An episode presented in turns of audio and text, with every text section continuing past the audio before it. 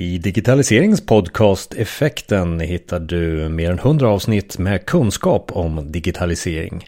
Finns där på effekten.se och sen startar du en prenumeration också om du inte redan har gjort det. Det kan du göra via iTunes eller till exempel också då Spotify.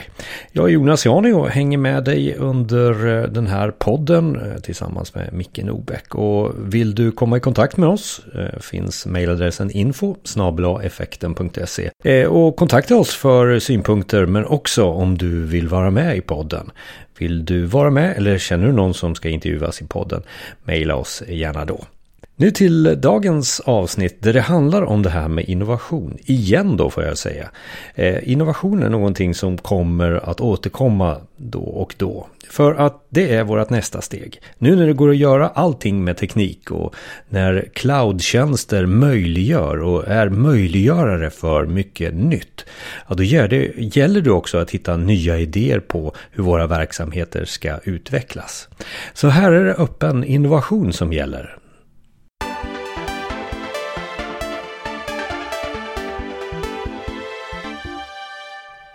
Välkommen till Effekten. Det här är digitaliseringens podcast.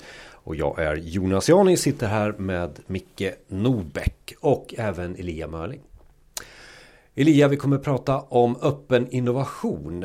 Eh, och vad är då öppen innovation för dig om vi börjar där? Ja, precis. Alltså, jag tror att folk har lättare att föreställa sig vad stängd innovation är till att börja med.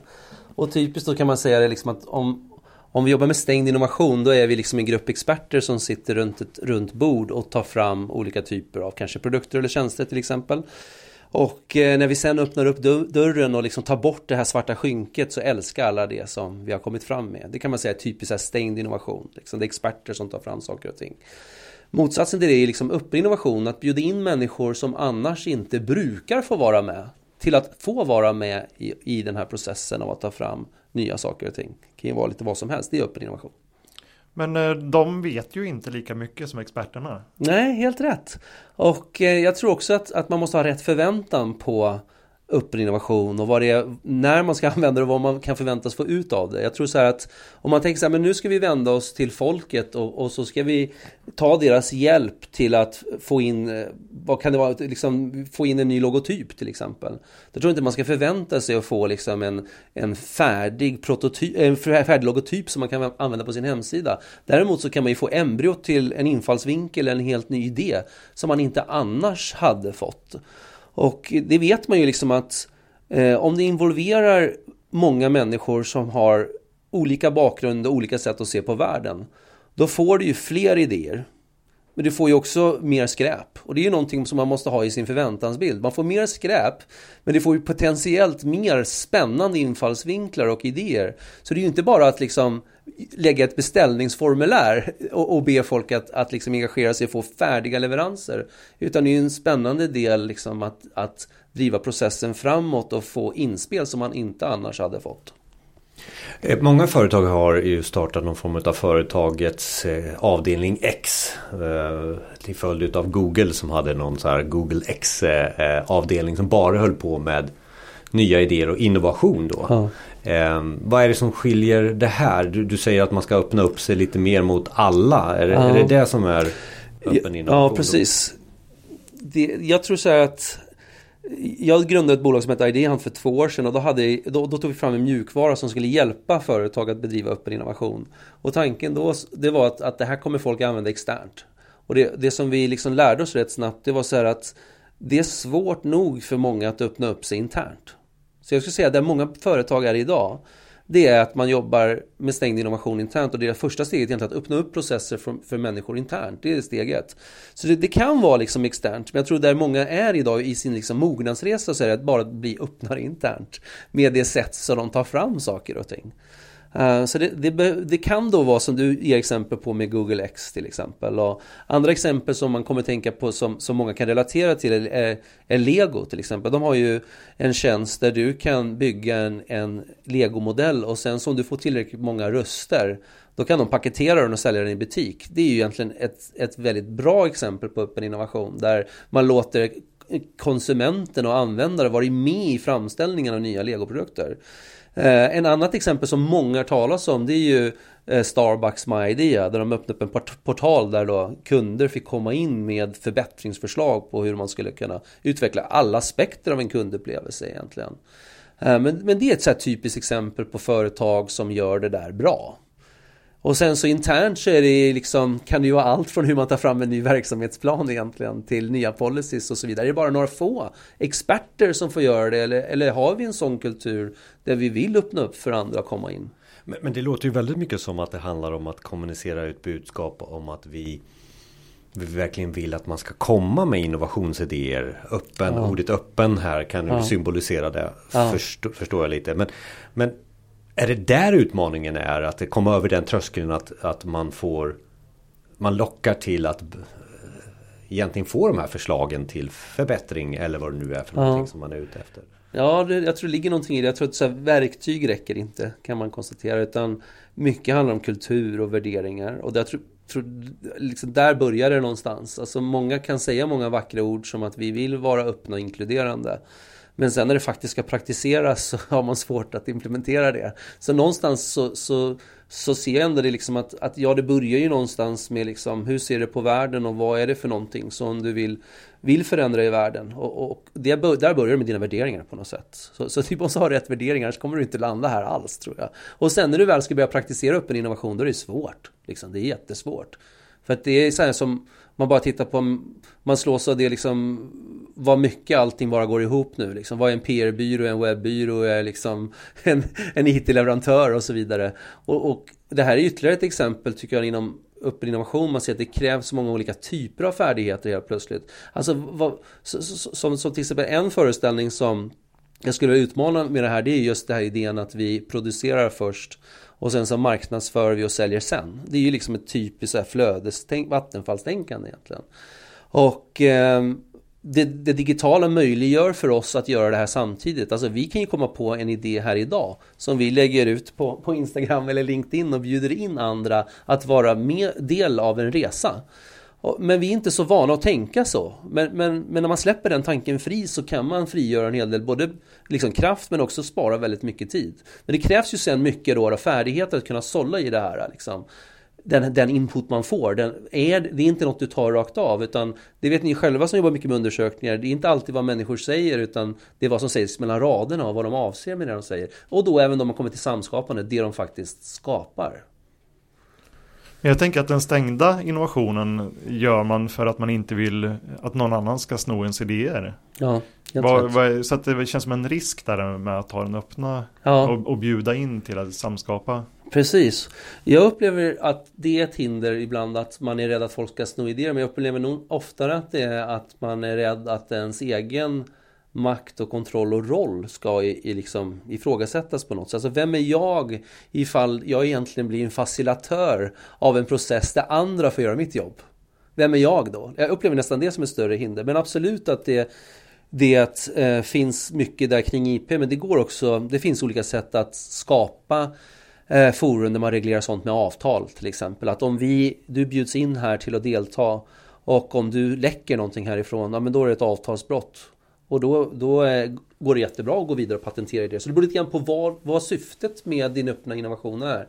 Och, och, hur du riggar den skulle jag säga. Men det går att göra saker som är lite avantgarde som ändå går att lösa om man har tänkt till på teknikaliteterna kring det. Men just när du utmanar människor, vem är jag då i så fall? Om jag egentligen är den som skapar möjligheterna för andra att bidra. Det är ju jag som är van att lägga den där lilla pricken på loggan eller som fattar det här fina produktbeslutet eller vad det är. Vem är jag i det här då? Vi är ju lite, eh, Micke och jag är lite corporate eh, så. Det ska vara mätbart och det ska, mm. vi, vi, har det gamla kanske tänket ja. här då. Det är väl liksom sådana frågor som ställs då. Men om, om vi nu tar då exemplifiera, exemplifiera lite bra exempel på det här. Du var ju inne lite på det några. Men, men där det här, här öppna innovationen har lyckats eller det har varit en framgångssaga på något sätt. Ja precis, alltså det man kan ta liksom de lilla exemplen ibland. Vi har jobbat, en av våra kunder är Sankors till exempel här i Linköping som jobbar med fastigheter riktat till företag. Och eh, de, de, har jobbat med frågan liksom, men hur kan vi designa Sveriges första elcykelpool till exempel. Och eh, då bidrog vi med vårt verktyg men också en del tänkande kring men hur ska vi göra det här ifall vi vill engagera medborgarna i att utforma den här elcykelpoolen. Både då liksom hur den skulle kunna se ut men även fungera. Och då kommer man ju lite grann till det som du var inne i Jonas, där med kommunikation. Så här att från början var ju tank tanken kanske göra något hackathon. Eller göra något idea jam. Och då inser man rätt snabbt att även liksom vilka ord vi använder och formulerar oss kring en sån här inbjudan påverkar vem som faktiskt kommer. Om du gör ett hackathon, det kommer ju en viss typ av målgrupp då helt plötsligt. Så att i liksom den här tanken, ja, men hur kan vi demokratisera det här? Så hittar vi på ett format eh, som vi kallar det för pop-up lab. Det är väldigt populärt med pop-up butiker och annat. Men vi tyckte det var något avväpnande i det att Sankt Kors dyker upp där medborgarna är. Och eh, om man vill utveckla en parkeringsplats till exempel, det är där labbet dyker upp. Det, det är tanken. Och eh, när har folk tid egentligen? Alltså vi vet ju det att, att, att eh, folk har väldigt lite tid. Så att vi utformade ett format som var lunchformat på två timmar. Och då bjöd Sankt Kors också på lunch. Så att namnet spelar roll, hela paketeringen och tillfället vid det här spelade väldigt stor roll. Och sen så gjorde vi så att folk fick ansöka om att vara med för att vi ville se till att det blev en bra spridning när det kom till ett antal olika variabler sen då.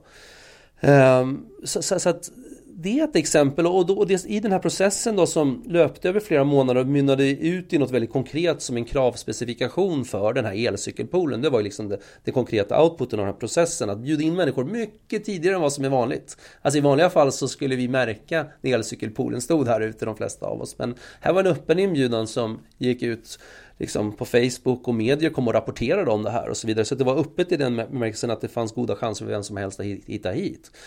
Eh, men första tillfället, bara för att se hur radikalt det här var, första tillfället så utvecklade vi då Personas tillsammans med medborgarna. Det är ju någonting man brukar göra åt dem så att säga. Liksom. Men det gick ju utmärkt. De kunde ju utveckla de här personas väldigt väl. Eh, och för att underlätta det så hade vi ju då färdiga mallar som de fyllde i och så vidare. Men det är ett exempel på vad en sån här pop-up lab kunde innebära. Sen en annan så utvecklar vi, jobbar vi då till exempel med att prototypa med hjälp av lego till exempel. Och, Ehm, så, så, att det finns mycket kring liksom våra, våra tankeställningar om vad som är och inte är möjligt som begränsar oss tror jag. Liksom. ett exempel på det är att vid ett av de sista av de här pop-up jams så fick eh, medborgarna vara med och designa eh, applikationer. Icke-tekniska använder då penna och papper och designade applikationer. Och sen använder vi en applikation som heter PopApp där man tar bilder och så länkar man de här fotografierna med varandra. Men på två timmar har vi då engagerat 30 medborgare att ta fram fem prototyper som de pitchar från scen för varandra. Och det är sånt, varför inte? Varför gör vi inte det här i större utsträckning? Varför inte gjort det förut? Ja. Men det är ju en strukturerad form att hitta innovation vi pratar om ja, här. det är det. det, är det. Så, så att jag tror också en föreställning vi har det är så här att om vi bjuder in människor då kommer vi att tappa kontrollen och det kommer ju också lite grann till din fråga där Micke. Och jag tror att det är också någonting som vi behöver utmana. Att du kan hitta processer som gör det möjligt för dig att behålla en, ett visst element av kontroll. Alltså regissera helt enkelt liksom. Och, och liksom fatta avgörande beslut. Men däremellan så får man tolerera ett stort mått av kaos. Men det, det, det är inte detsamma, att släppa in många människor betyder inte att vi fullständigt tappar kontrollen. Men om du tittar tillbaka på det här projektet med elcyklarna här. Skulle du säga att resultatet blev bättre än om du hade satt tre experter på att göra samma jobb under eh, en eftermiddag eller ett par dagar. Ja, jag, jag, jag upplever det att jag har tidigare jobbat så att jag har agerat expert på många olika sätt. Och ju mer som man börjar jobba experimentbaserat och datadrivet, desto mer... För varje experiment så blir man lite mer ödmjuk. Alltså det finns så mycket vi föreställer oss att veta om användaren, veta om kunden. Som sen när vi väl genomför test visar sig att vi har fel. Liksom. Och det gör att vi blir ödmjuka. Så jag ska säga det, liksom, det är ju det som är spännande om man tänker sig, nej men vi producerar inte först och sen så eh, marknadsför vi sen. Utan om det här börjar gå mer och mer ihop är liksom att samskapa ett slags test, pågående test. Testar vi samtidigt som vi samskapar med målgruppen? Kan, vad händer då när vi gör det i så fall? Liksom? Så att det, det, där kan flyta in lite grann i, i varandra. Det, det, som är väldigt, eh, när man pratar om utveckling av verksamheten nu eh, så har man ju pratat i IT-sammanhang, eh, de iterativa processerna. Det är lite det du pratar ja. om här också. Men där pratar man nu väldigt mycket om produktnära team som har ett kundfokus. Mm. Och det låter lite det som du, du ja. nämner här också som, som en öppen innovation. Som ja. processen bakom det eller framför den. Och så. Eh, har du några mer exempel här på, på lyckade saker som har varit innovationsmässigt under, under flagget öppen innovation? Det finns ju roliga exempel som är så här liksom vi, som är problem som vi inte skulle kunna lösa själva. Men med hjälp av mångas hjälp så kan vi lösa dem. Ett exempel är NASA som tar hjälp av allmänheten för att analysera datasignaler från rymden till exempel. Eh, så egentligen en slags liksom, öppen crowdsourcing kan man ju säga. Liksom. Sådana exempel tycker jag är roliga. Liksom. Där finns det egentligen inte något större alternativ för idag så hade de inte kunnat lösa det. Förmodligen kan ju datorer lösa den här datamängden på sikt. Liksom. Men, och liksom generellt så ser man ju det om man tittar liksom, hur ser framtidens arbete ut? Alla manuella uppgifter försvinner.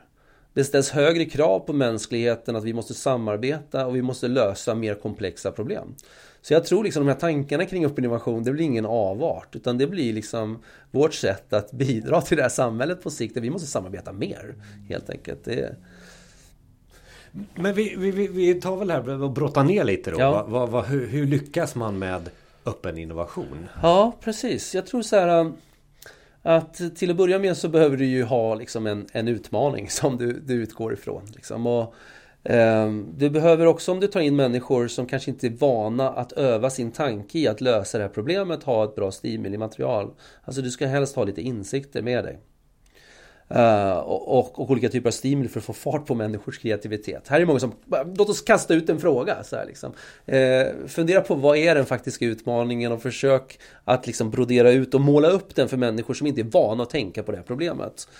Eh, det, är väl, det är väl en bra start. En annan eh, sak är ju liksom den här utmaningen som vi har, är det en engagerande utmaning? Alltså om, om, om, om vi går ut här och frågar om vad har vi för kreativa lösningar på integration eller på miljöproblem, då har många skulle är liksom engagerade kring de här frågorna. Men om, om, om vi till exempel tillverkar tändstickor eller blöjor det kanske inte är lika hett. Alltså varför, varför ska jag bry mig? Varför ska jag lägga tid på att hjälpa dig utveckla tändstickor till exempel? Men som Apple kommer att fråga Jonas, eh, du är utvald, vill inte du vara med här och, i den här fokusgruppen och hjälpa oss eller vad det nu är? Då känner du dig hedrad helt plötsligt. Så det är ju en sak också att fundera på. Varför ska någon bry sig överhuvudtaget i att delta i den här utmaningen? Och sen så är det ju då liksom um, att jobba med öppen innovation innebär ju inte samma sak som att bjuda in alla. Vilka är det vi faktiskt vill attrahera? Det kan ju vara studenter eller forskare. Eller något som är väldigt populärt från då företags sida är ju liksom att jobba med startups. Så öppen innovation också omfamnar samarbeten med startups på ett sätt. Liksom få in tankar, idéer och lösningar utifrån och, och in till oss. Så, så att det är ju en del och sen så Sen så kan ju liksom verktyg hjälpa till och, och liksom göra det enkelt för människor att liksom förstå vad utmaningen är och kunna bidra. Och är det någon, några insikter som jag har fått, fått med mig hittills så är det så här att eh, människor behöver feedback. Så det är inte så enkelt som att samla in idéer. Och om du inte ger feedback till människor, då är de inte benägna att komma tillbaka. Och det tror jag inte man tänker på. Vi, vi vill bara få input. Alltså det är input, det är, det, är, det är, inte riktigt samma sak som att skapa liksom en process där människor utbyter tankar och, och, idéer och för ett samtal där saker och ting kan utvecklas. Så att skapa en process som möjliggör för människor att bidra med idéer men också utveckla de här idéerna tillsammans. Där tror jag många går bet. Mm, feedback loop. Feedback loop, ja. precis. Så man tänker, om vi har fått in 10 idéer eller 100 idéer, vad bra. Det slutar ju inte där. Liksom. Så det, det, det, är väl några liksom, så grundläggande komponenter. Jag tror man kan börja med de, de sakerna till att börja med. Men det känns ju också som att vi, vi började prata om det här att eh, både Micke och jag är corporate och att det är liksom tungrott och, och sådär. Eh, låter ju som man som skulle vilja utmana eh, de här ja. stofilerna eller vad man ska kalla de här fyrkantiga företagen. Eh, väl ja. min förutfattade mening. Många pratar ju om så här, hur kan vi attrahera och behålla unga? Som är vana att i mycket högre utsträckning vara delaktiga i utformningen av sin egen upplevelse. Det kommer liksom helt nya generationer nu som är vana vid att få möjligheten att delta och skapa. Och som inte är liksom nöjda med att bara passivt liksom ta emot information, vare sig det kommer från ledningen eller var det nu kommer ifrån. Så jag tror att det här är ju liksom någonting som många traditionella, kanske lite trögrörliga företag måste fundera kring. Om vi vill behålla och attrahera unga, hur får vi dem att känna att de är liksom delägare i de frågeställningar och de problem som de förväntas engagera sig i? Ska de bara göra ut? Och, där har väl alla en utmaning då. Eh, så det är väl inte bara att säga så här, ja, öppen innovation är bara för någon annan. Det är jättesvårt. Mm. Jag tror så här att hela det här området är svårt och det är någonting, det är någonting i vårt tankesätt, linjära tankesätt tror jag som hindrar oss så här. Att liksom, vi gör de här sakerna först och sen så går vi lite bredare sen och, och tar in input sen och så vidare. Och, och eh, det digitala möjliggör att att vi kan producera och liksom få in feedback och marknadsföra samtidigt. För det, det är en, sak, en aspekt som vi inte pratat om som är rätt intressant. Så det forskningen visar det att människor som uppskattar IKEA och bygger sig ihop sina egna IKEA-möbler de känner emotionellt starkare för de möblerna än de som kommer färdigförpackade från hyllan. Och, och, och den här psykologiska effekten kallas för IKEA-effekten. Vad händer om vi börjar applicera den tanken på våra företag? Att vi måste åstadkomma IKEA-effekten hos våra medarbetare och våra kunder. För det här tänkandet att vi är producenter och de är konsumenter, det funkar inte längre. Och ju mer andra konkurrenter börjar anamma ett sånt här förhållningssätt så, så behöver vi också göra det. Så här på slutet, är det något mer du vill trycka på när det gäller öppen innovation, Elia? Jag tror som vanligt att sak, frågor kan bli rätt stora när man pratar om dem så här i komprimerat format. Men att börja i det lilla är väl någonting jag vill skicka med. Och inte göra för stort. Och var tar man sig, var tar, tar man sig vidare här nu? Alltså om man vill läsa mer om uppinnovation så är det faktiskt det är inte så mycket skrivet. Jag har scannat mycket efter liksom böcker som är skrivna för vanliga människor, det vill säga bortanför liksom essays och uppsatser och sådär. Um, och det finns inte sådär jättemycket. Så jag tror att man behöver liksom snappa upp det här lite här och där och där det sker. Och sen så som sagt fundera lite på liksom men företag som Lego och Starbucks som är rätt stora till karaktären och ändå verkar på tämligen etablerade branscher. Vad är det de har förstått och vad är det som funkar för dem som vi kan anamma?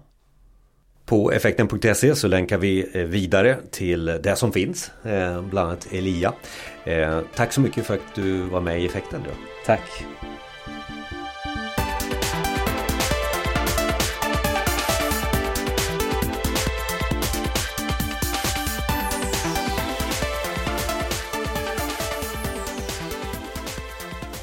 Digitaliseringens podcast Effekten. Bli vän med oss på LinkedIn och alla våra gäster kan du också bli vän med på LinkedIn.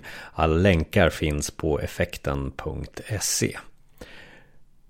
Vill du kontakta mig direkt? Då finns jag på Jonas Jani eh, där på LinkedIn. Eh, Jani stavas J-A-N-I. Och sen så hörs vi här med lite temaavsnitt eh, snart. Lite extra långa temaavsnitt. Så sätt igång en prenumeration redan nu via Spotify eller iTunes eller där du hittar dina övriga poddar. Ha det så bra. Vi hörs!